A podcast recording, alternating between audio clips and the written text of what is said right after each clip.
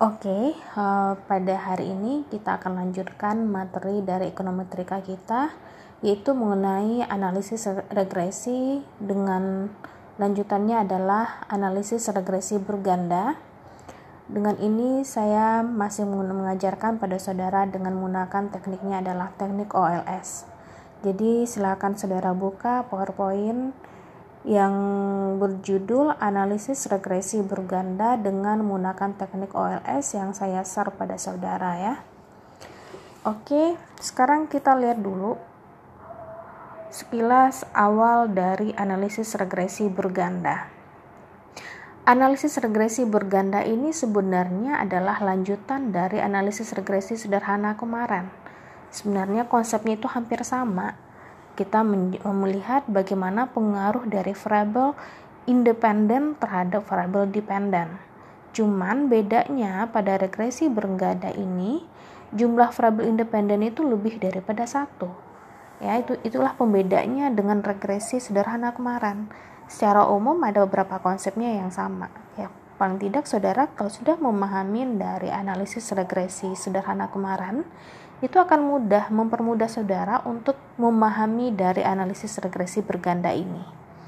Nah, sekarang coba diperhatikan uh, eh, PPT dari analisis regresi berganda itu um, yang halaman 2-nya PPT yang kedua ya. Di situ judulnya adalah analisis regresi berganda. Kita bahas dulu. Apa itu analisis regresi berganda? Ya. Yang pasti di sini dia melihat pengaruh pengaruh dari variabel independen terhadap variabel dependen. Di mana variabel independen yang kita gunakan itu lebih daripada satu. Ya kalau sebelumnya kita cuma mengenal uh, variabel independen itu misalnya hanya x atau x1 saja, ya. Nah, berikutnya untuk analisis regresi berganda ini X yang kita gunakan itu lebih daripada satu. Jadi nanti saudara itu tergantung dari konsep saudara, penelitian saudara. Bisa X-nya 2, jadi X1, X2, atau X-nya 3, dan seterusnya ya. Kalau X-nya 3 berarti X1, X2, dan X3. Nah, untuk persamaan regresi, jika saudara menggunakan dua variabel independen, maka persamaan regresinya itu bisa saudara lihat pada PPT yang kedua di analisis regresi berganda itu ya. Di sana dikatakan bahwa untuk persamaan regresi dengan dua variabel independen, maka persamaan regresinya ditunjukkan oleh ya Y sama dengan A tambah B1 X1 tambah B2 X2. Ini maksudnya masih secara masih secara umum ya, masih secara umum karena di sana belum masuk error. Errornya belum dimasukin, di sini masih konteksnya adalah populasi. Sebelumnya sudah saya jelaskan pada saudara ada regresi yang uh, populasi dan ada regresi yang sampel gitu loh. Nah, ini ini untuk yang di sini dia masih mencontohkan uh, di yang uh, PPT yang halaman 2 ini dia ini dia masih mencontohkan dari populasi. Jadi ini masih secara umum ya. Ini untuk menangkap bagaimana pengertiannya secara umum untuk analisis regresi berganda itu. Jadi secara umum di persamaan dari analisis persamaan dari regresi berganda ini jika ada dua variabel independen adalah y sama dengan a tambah b1 x1 tambah b2 x2. Nah, apakah A itu A saudara sudah paham ya. Ini sama dengan uh, pada persamaan analisis regresi sederhana bahwa A itu adalah parameter yang sifatnya adalah konstanta. Ya, titik poinnya, titik awalnya dari garis itu. Terus berikutnya B2, B1, B2 dan seterusnya itu adalah koefisien dari masing-masing variabel independen. B1 koefisien dari X1 atau kemiringan garis dari X1 terhadap Y atau berapa pengaruh dari si X1 itu terhadap uh, Y. Kemudian ada B2, B2 ya lanjutannya itu adalah koefisien dari X2 atau nilai pengaruh dari X2 terhadap Y. Ya. Nah, ingat dalam satu hal ya, uh, di situ ada kata-kata ceteris paribus. Sebenarnya ini juga berlaku pada saat uh, regresi sederhana kemarin ya, bahwa untuk uh, melihat dari B1, B2 dan seterusnya itu ya, itu kan kan merupakan angka koefisien atau merupakan berapa sih pengaruh dari si variabel independen ini terhadap variabel dependen. Nah, itu dengan asumsi yang harus dipakai itu adalah adanya asumsi ceteris paribus. Artinya eh, B1 menggambarkan perubahan atau pengaruh dari X1 terhadap Y dengan asumsi bahwa X2 ini adalah tetap. Jadi X2-nya tetap baru bisa kita lihat pengaruh dari X1. Kalau kita tidak bikin asumsi si X2 ini tetap atau variabel-variabel lain itu tetap, maka kita tidak bisa melihat pengaruh dari X1 ini terhadap Y. Tidak bisa kita artikan bagaimana dari B1 ini terhadap eh, B1 eh, atau nilai koefisien dari X1 ini terhadap Y. Jadi harus kita anggap asumsinya yang lain itu diam, maka dia baru bisa melihat pengaruhnya terhadap Y. Nah, begitu juga pada saat menjelaskan pada B2 misalnya ya. Um, berarti di sini B2 itu kan pengaruh dari X2 terhadap Y. Maka di sini yang, di, yang diasumsikan ceteris paribus adalah X1 atau faktor-faktor lain itu sifatnya adalah ceteris paribus gitu loh. Sifatnya tetap. Ceteris paribus itu kan berarti faktor-faktor yang lain itu konstan. Itu uh, secara harfiah gitu. Nanti kita sesuaikan dengan konteksnya. Kalau pada persamaan kita apa sih yang dianggap tetap itu ya tergantung dari apa yang saudara teliti gitu. Sebenarnya saya kalau nggak salah udah pernah jelasin dulu waktu regresi awal itu sudah saya jelaskan. Oke, okay. next lanjut pada halaman berikutnya. Um, persamaan regresi apabila terdapat k variabel independen. Nah, adalah seperti yang tertera di PPT tersebut, Y sama dengan A tambah B1X1 tambah B2X2 tambah titik-titik-titik sampai pada BKXK. Nah, oke. Okay. Nah, bagaimanakah cara mendapatkan nilai dari B1, B2, BK, dan seterusnya itu? Untuk cara mudahnya, ya di sini kan uh, jumlah variabel independen itu sangat banyak ya. Diasumsikan itu sampai KK itu kita nggak tahu sampai berapa gitu loh. Nah, oleh karena itu, tidak mungkin kita mencari nilai dari koefisien itu masing-masingnya secara manual ya apabila kita menggunakan banyak persamaan atau banyak uh, bukan banyak persamaan apabila kita menggunakan banyak ini banyak variabel independen ya terlalu apalagi nanti ta, datanya juga banyak gitu loh kan nggak mungkin kita lakukan secara manual. Ya maka kita gunakan di sini soft, uh, gunakan software ekonometrika jadi itulah fungsi fungsinya si software itu adalah untuk mempermudah kita mendapatkan persamaan estimasi dari persamaan regresi oke nah Berikutnya yang perlu saudara pahami dalam uh, analisis regresi ini adalah mengenai standar error. Ini pun tidak hanya pada regresi sederhana, uh, tidak hanya pada regresi berganda ya. Tapi sebenarnya kemarin waktu analisis regresi sederhana ini juga harus dipahami mengenai, mengenai standar error. Nah ini sebenarnya uh, udah ada di statistik saudara, cuman saya uh, ulang sekilas di sini bahwa standar error ini fungsinya adalah mengukur efektivitas dari persamaan regresi. Ya kan kita melakukan running data nih data udah dapet kan. Udah dapat misalnya ada uh, untuk regresi untuk persamaan regresinya itu ada dua variabel independen misalnya ada x1 sama x2 kemudian udah dapat datanya saudara running dengan menggunakan persamaan dengan menggunakan software ekonometrika entah itu SPSSK entah itu EVIUS atau software-software yang lain kemudian dapatlah hasil persamaannya Nah, di sana akan terdapat standar error. Apa fungsinya standar error? Ya, standar error itu adalah mengukur efektivitas dari persamaan regresi. Ya, seberapa efektifkah persamaan eh, regresi yang saudara hasilkan. Ya, inilah yang berhubungan dengan nanti derajat kepercayaannya gitu loh. Artinya apa? Jika dia nilai standar errornya itu semakin tinggi, maka itu biasanya uh, banyak yang nggak signifikan gitu loh. Atau melebihi dari alfa yang 10% itu jadi banyak dia nggak signifikan biasanya kalau variabel-variabel yang nggak signifikan itu itu itu adalah penyebabnya standar errornya terlalu besar artinya di sini persamaan regresi kita itu yang kita hasilkan itu bukannya efektif gitu loh. Jadi di sini untuk konsep standar error pada persamaan regresi semakin kecil nilai dari standar errornya maka itu akan semakin bagus persamaan regresinya itu itu loh. Nah standar error itu diukur dengan menggunakan satuan yang sama dengan variabel dependen ya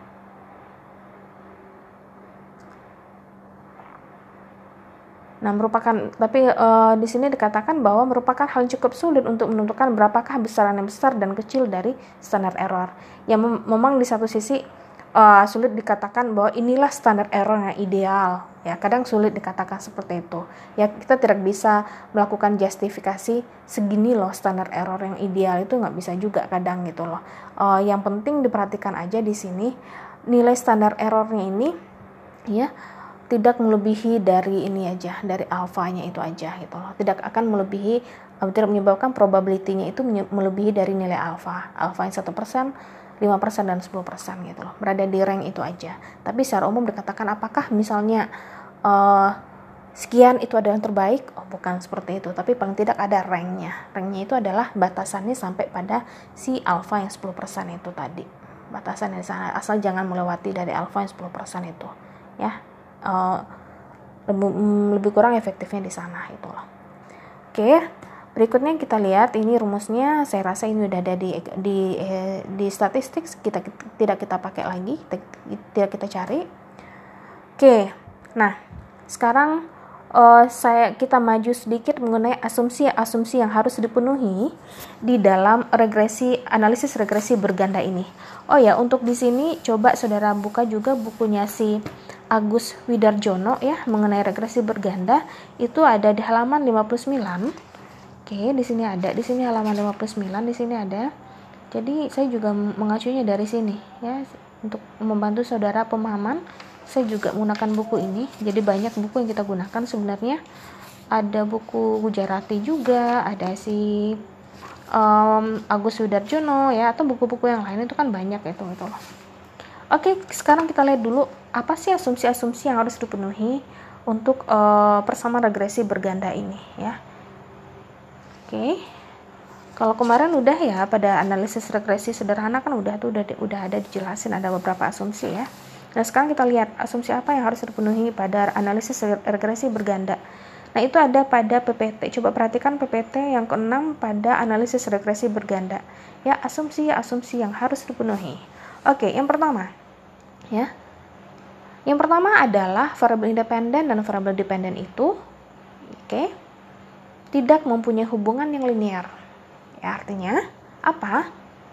Eh, maaf, maaf, maaf, salah Uh, yang pertama itu adalah variabel independen dan variabel dependen mempunyai hubungan yang linear ya. Uh, jadi hubungan antara X1, X2, X3 dan seterusnya dengan Y itu adalah berbentuk garis lurus. Nah, caranya gimana? Di sini ya kalau kita analogikan dengan garis ya, tetap berarti saudara ukur satu-satu ya. Walaupun ini kan untuk variabel untuk regresi berganda itu kan ada uh, variabel independennya lebih daripada satu tuh ada x1, x2 dan x3 misalnya. Nah, untuk melihat apakah hubungan antara x1, x2 dan x3 ini adalah uh, linear terhadap y, ya boleh dilakukan uji scatter diagramnya satu-satu dari x1 terhadap y atau dari x2 terhadap y atau dari x3 terhadap y. Coba lihat satu-satu scatter diagramnya itu boleh dilakukan untuk melihat bagaimana pola hubungan antara variabel independennya dengan variabel y uh, dengan variabel y-nya tadi atau variabel uh, dependennya. Oke, lakukan satu-satu boleh. Ukur dengan scatter diagram ya. Karena di sini yang kita acu itu adalah regresi linear berganda ya. Regresi linear berganda. Oke, Nah, kemudian dikatakan di sini yang kedua, asumsi yang kedua itu adalah variabel dependen itu harus merupakan uh, variabel yang sifatnya kontinu dan ya berada pada uh, berada pada data yang sifatnya adalah nominal atau intervalnya nominal gitu loh. Jadi misalnya kontinu itu misalnya uh, mengukur contohnya yang yang datanya data data kontinu ya jumlah penduduk ya. Jumlah penduduk nah. Jumlah penduduk atau jumlah motor gitu. Yang sifatnya kontinu ya coba saudara buka lagi di statistik saudara itu kan ada tuh oh, jenis-jenis data apa ya. Ada yang sifatnya kontinu ada interval dan segala macam itu ada di sana. Oke. okay.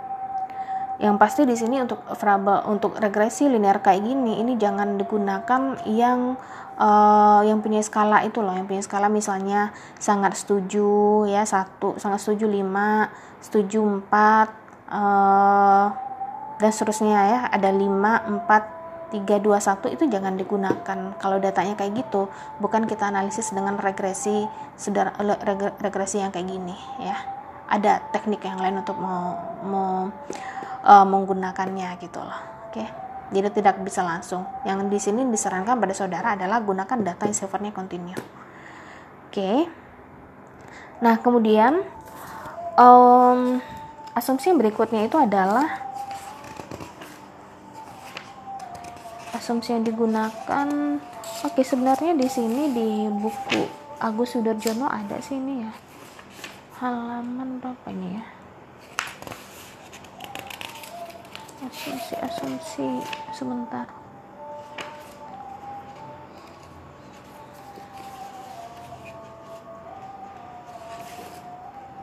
Ini saya coba lihat dulu sebentar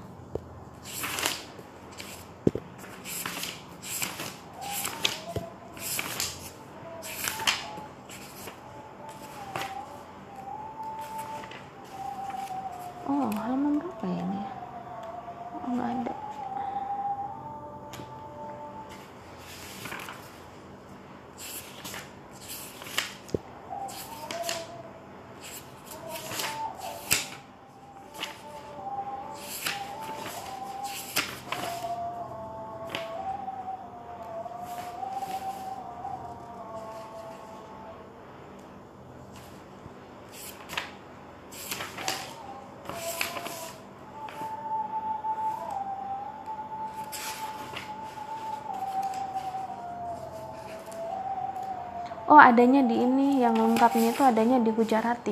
Di Gujarati itu lengkap. Gujarati lengkap itu. Gujarati yang paling lengkap itu adalah pada Gujarati. Asumsi-asumsi harus dipenuhi di dalam um, analisis regresi berganda. Analisis linear uh, reg, linear regresi berganda. Yaitu adanya pada itu. Pada si Gujarati itu lengkap. Oke, yang ketiga kita lihat bahwa di sini asumsi yang harus dipenuhi itu adalah variasi dari Y kurang Y estimasi itu residual itu harus sama dengan 0 ya. Harus sama dengan 0 oke untuk hemoscedasticity ini coba buka regresi sederhana. Regresi sederhana coba buka. Maksudnya di sini. Oke ini maksudnya yang, yang ketiga ini untuk yang asumsi yang harus dipenuhi yang ketiga ini adalah mengacu kepada ini asumsi hem hemoskedastisitas ya. Artinya di sini maknanya adalah variabel gangguan dari E adalah sama. Ya.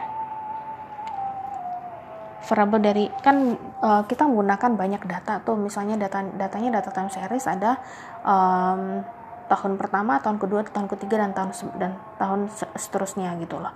Nah, di sini maksudnya error dari tahun 1, tahun 2 dan tahun ketiga dan seterusnya itu itu harus sama semua ataupun misalnya saudara pakai datanya adalah data cross section ada um, responden 1, responden 2, responden 3 dan seterusnya maka er error dari si responden 1, responden 2 dan seterusnya itu adalah sama gitu loh. Kalau itu yang disebut dengan hemoskedastisitasnya ya. Itu pada ini coba buka si buku Agus Sudarjono ada ada ada pada halaman 22 23 tapi itu konteksnya pada regresi linear uh, sederhana ya tapi maknanya sama itu. Artinya, kalau pada regresi linear sederhana berlaku asumsi hemoskedasticity, maka di sini di regresi uh, berganda ini juga berlaku asumsi hemoskedastisitasnya. Oke. Okay. Nah, kemudian berikutnya asumsi harus dipenuhi adalah residualnya harus me mengikuti pola distributed dengan rata-ratanya adalah nol, ya. Berdistribusi normal. Jadi residual yang dihasilkan itu harus mempunyai distribusi normal dengan artinya di sini distribusi normalnya itu adalah rata-ratanya sama dengan 0. Ini nanti kita lakukan pengujian biasanya.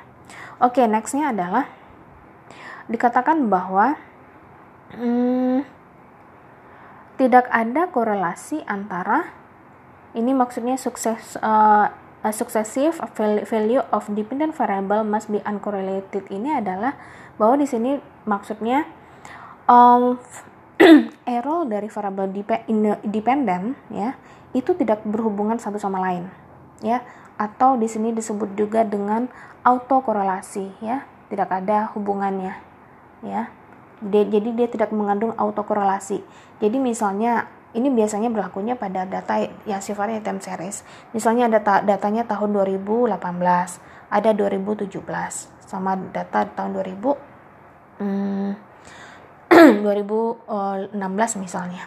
Nah, jadi error untuk variable eh, dependennya ini ya, variable dependent itu tidak berhubungan antara satu, satu tahun dengan tahun yang berikutnya gitu loh. Ya, nah ini disebut dengan um, maksud dari yang ke 1 2 3 4 5 yang kelima itu bahwa tidak ada autokorelasinya di dalam persamaan tersebut oke nah itu sama dengan asumsi yang kelima pada halaman 23 itu sama itu. Maksudnya itu.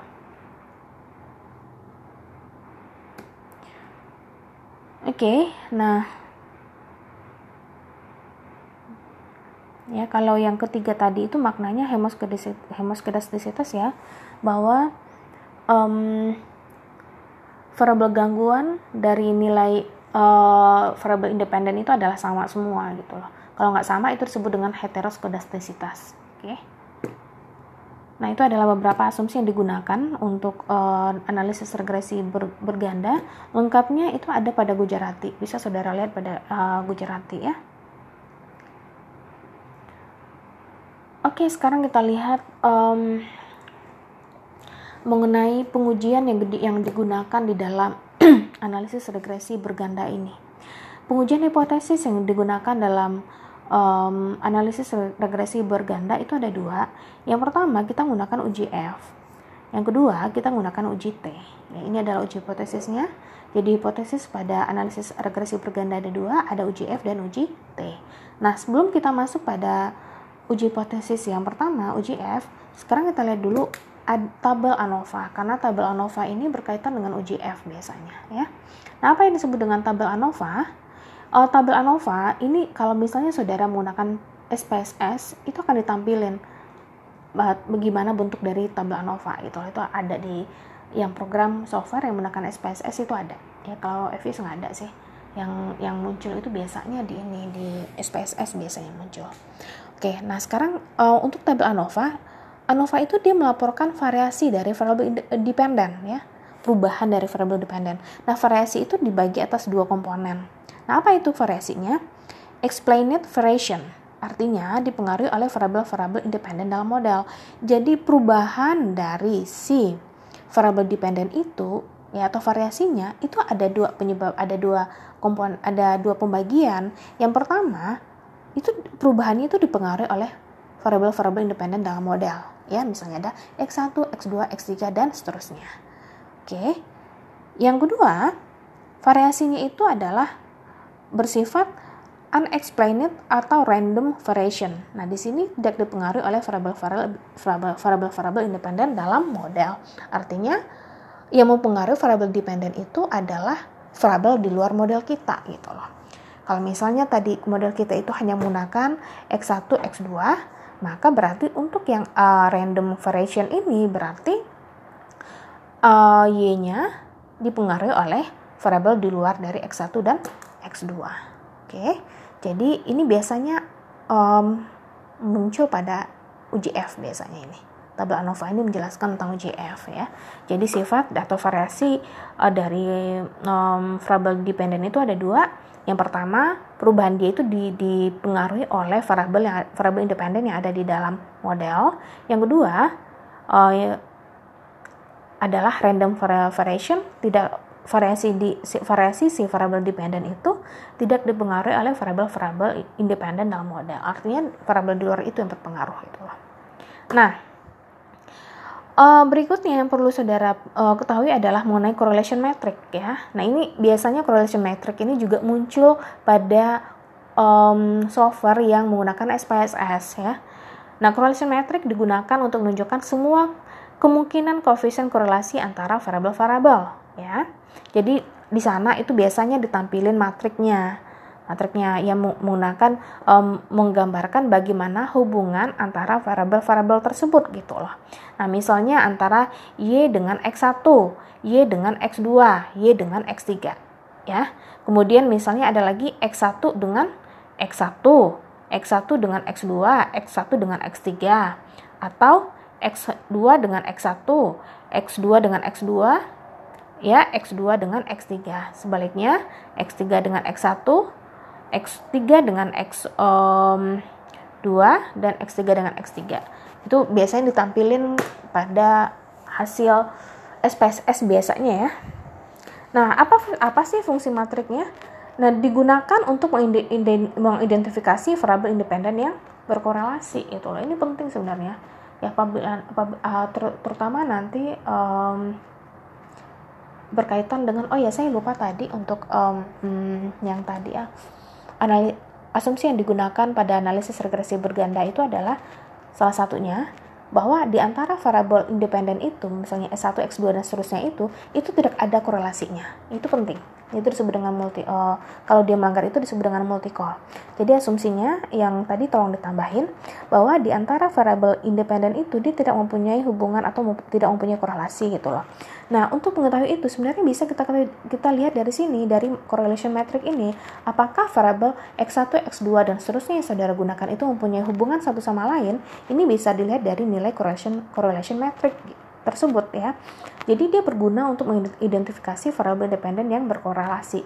Nah, kalau dia ada korelasi antara uh, variabel-variabel independen yang saudara gunakan, itu otomatis nanti akan muncul penyakit. Penyakitnya apa? Melanggar dari asumsi yang digunakan tadi. Melanggar bahwa asumsi mengatakan antara variabel independen ini tidak boleh ada hubungan, tidak boleh, uh, boleh ada korelasi. Tapi kalau ada korelasi, maka akan muncullah multi call. Nah, itulah muncul-muncul penyakit-penyakitnya nanti. Ya.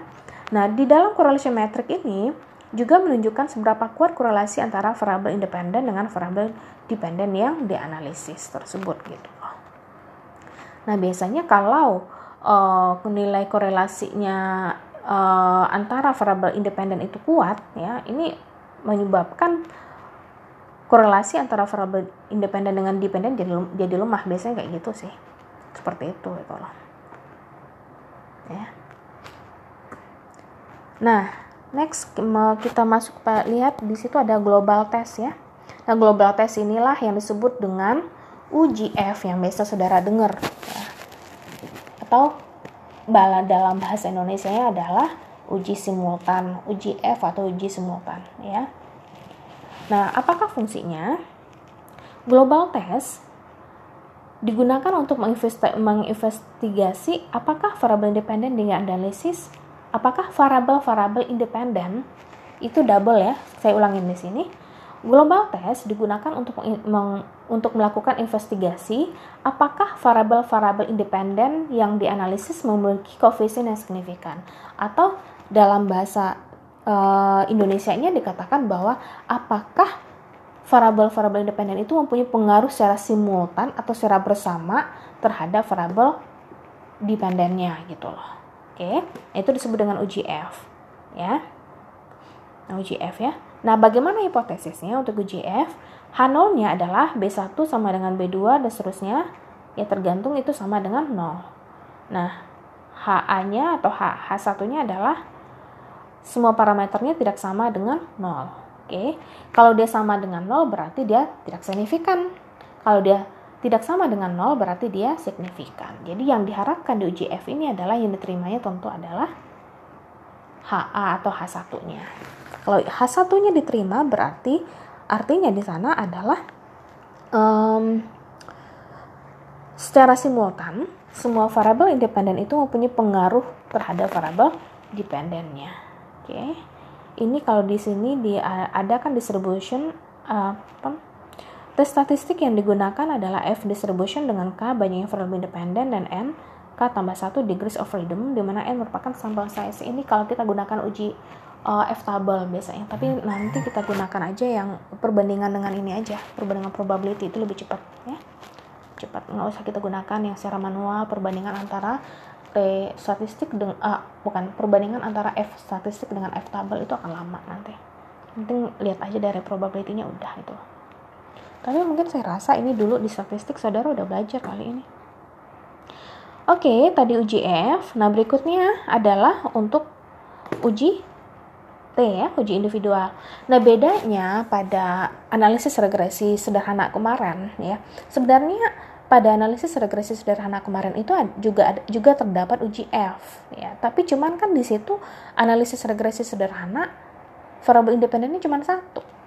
Jadi itu nggak nggak tidak dilihat berapa nilai uji F-nya tidak berlihat seperti itu lagi. Kenapa? Karena variabel independennya cuma satu.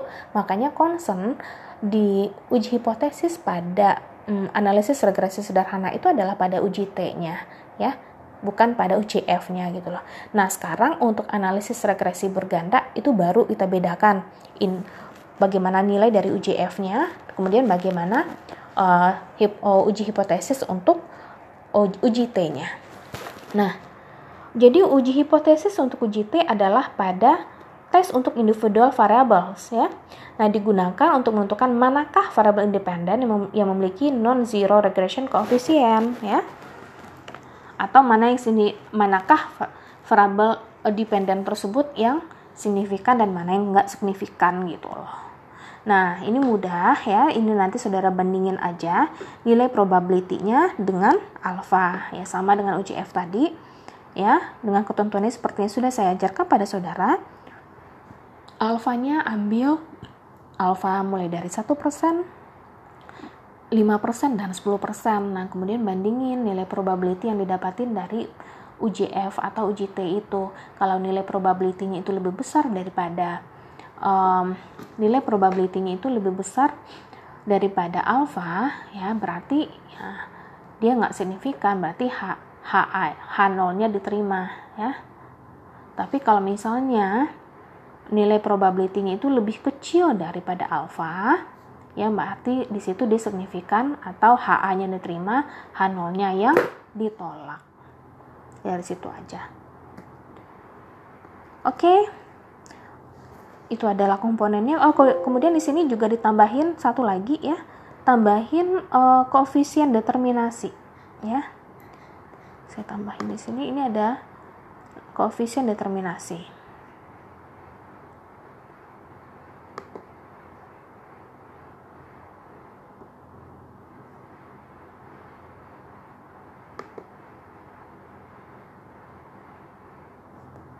Ya, tambahin di sini koefisien determinasi ya atau R kuadrat itu ya maknanya sama dengan yang waktu kita membahas tentang regresi sederhana ya itu maknanya sama. Nah untuk koefisien determinasi bisa juga saudara baca di si uh, Agus Sudarjono halaman 59 tadi ya itu bisa. Itu bisa dilihat dari sana. Oke, saya tutup dulu untuk podcast yang ini. Uh, berikutnya saya akan melanjutkan podcastnya uh, mengenai analisis data dan running data di Evius yang contohnya sudah saya berikan pada saudara ya. Saya sudah saya sampaikan itu akan saya bahas melalui podcast ini. Oke, saya tutup ini. Silahkan dipahamin dulu. Nanti kalau ada pertanyaan, silahkan diberikan melalui WA di grup. Ya, oke.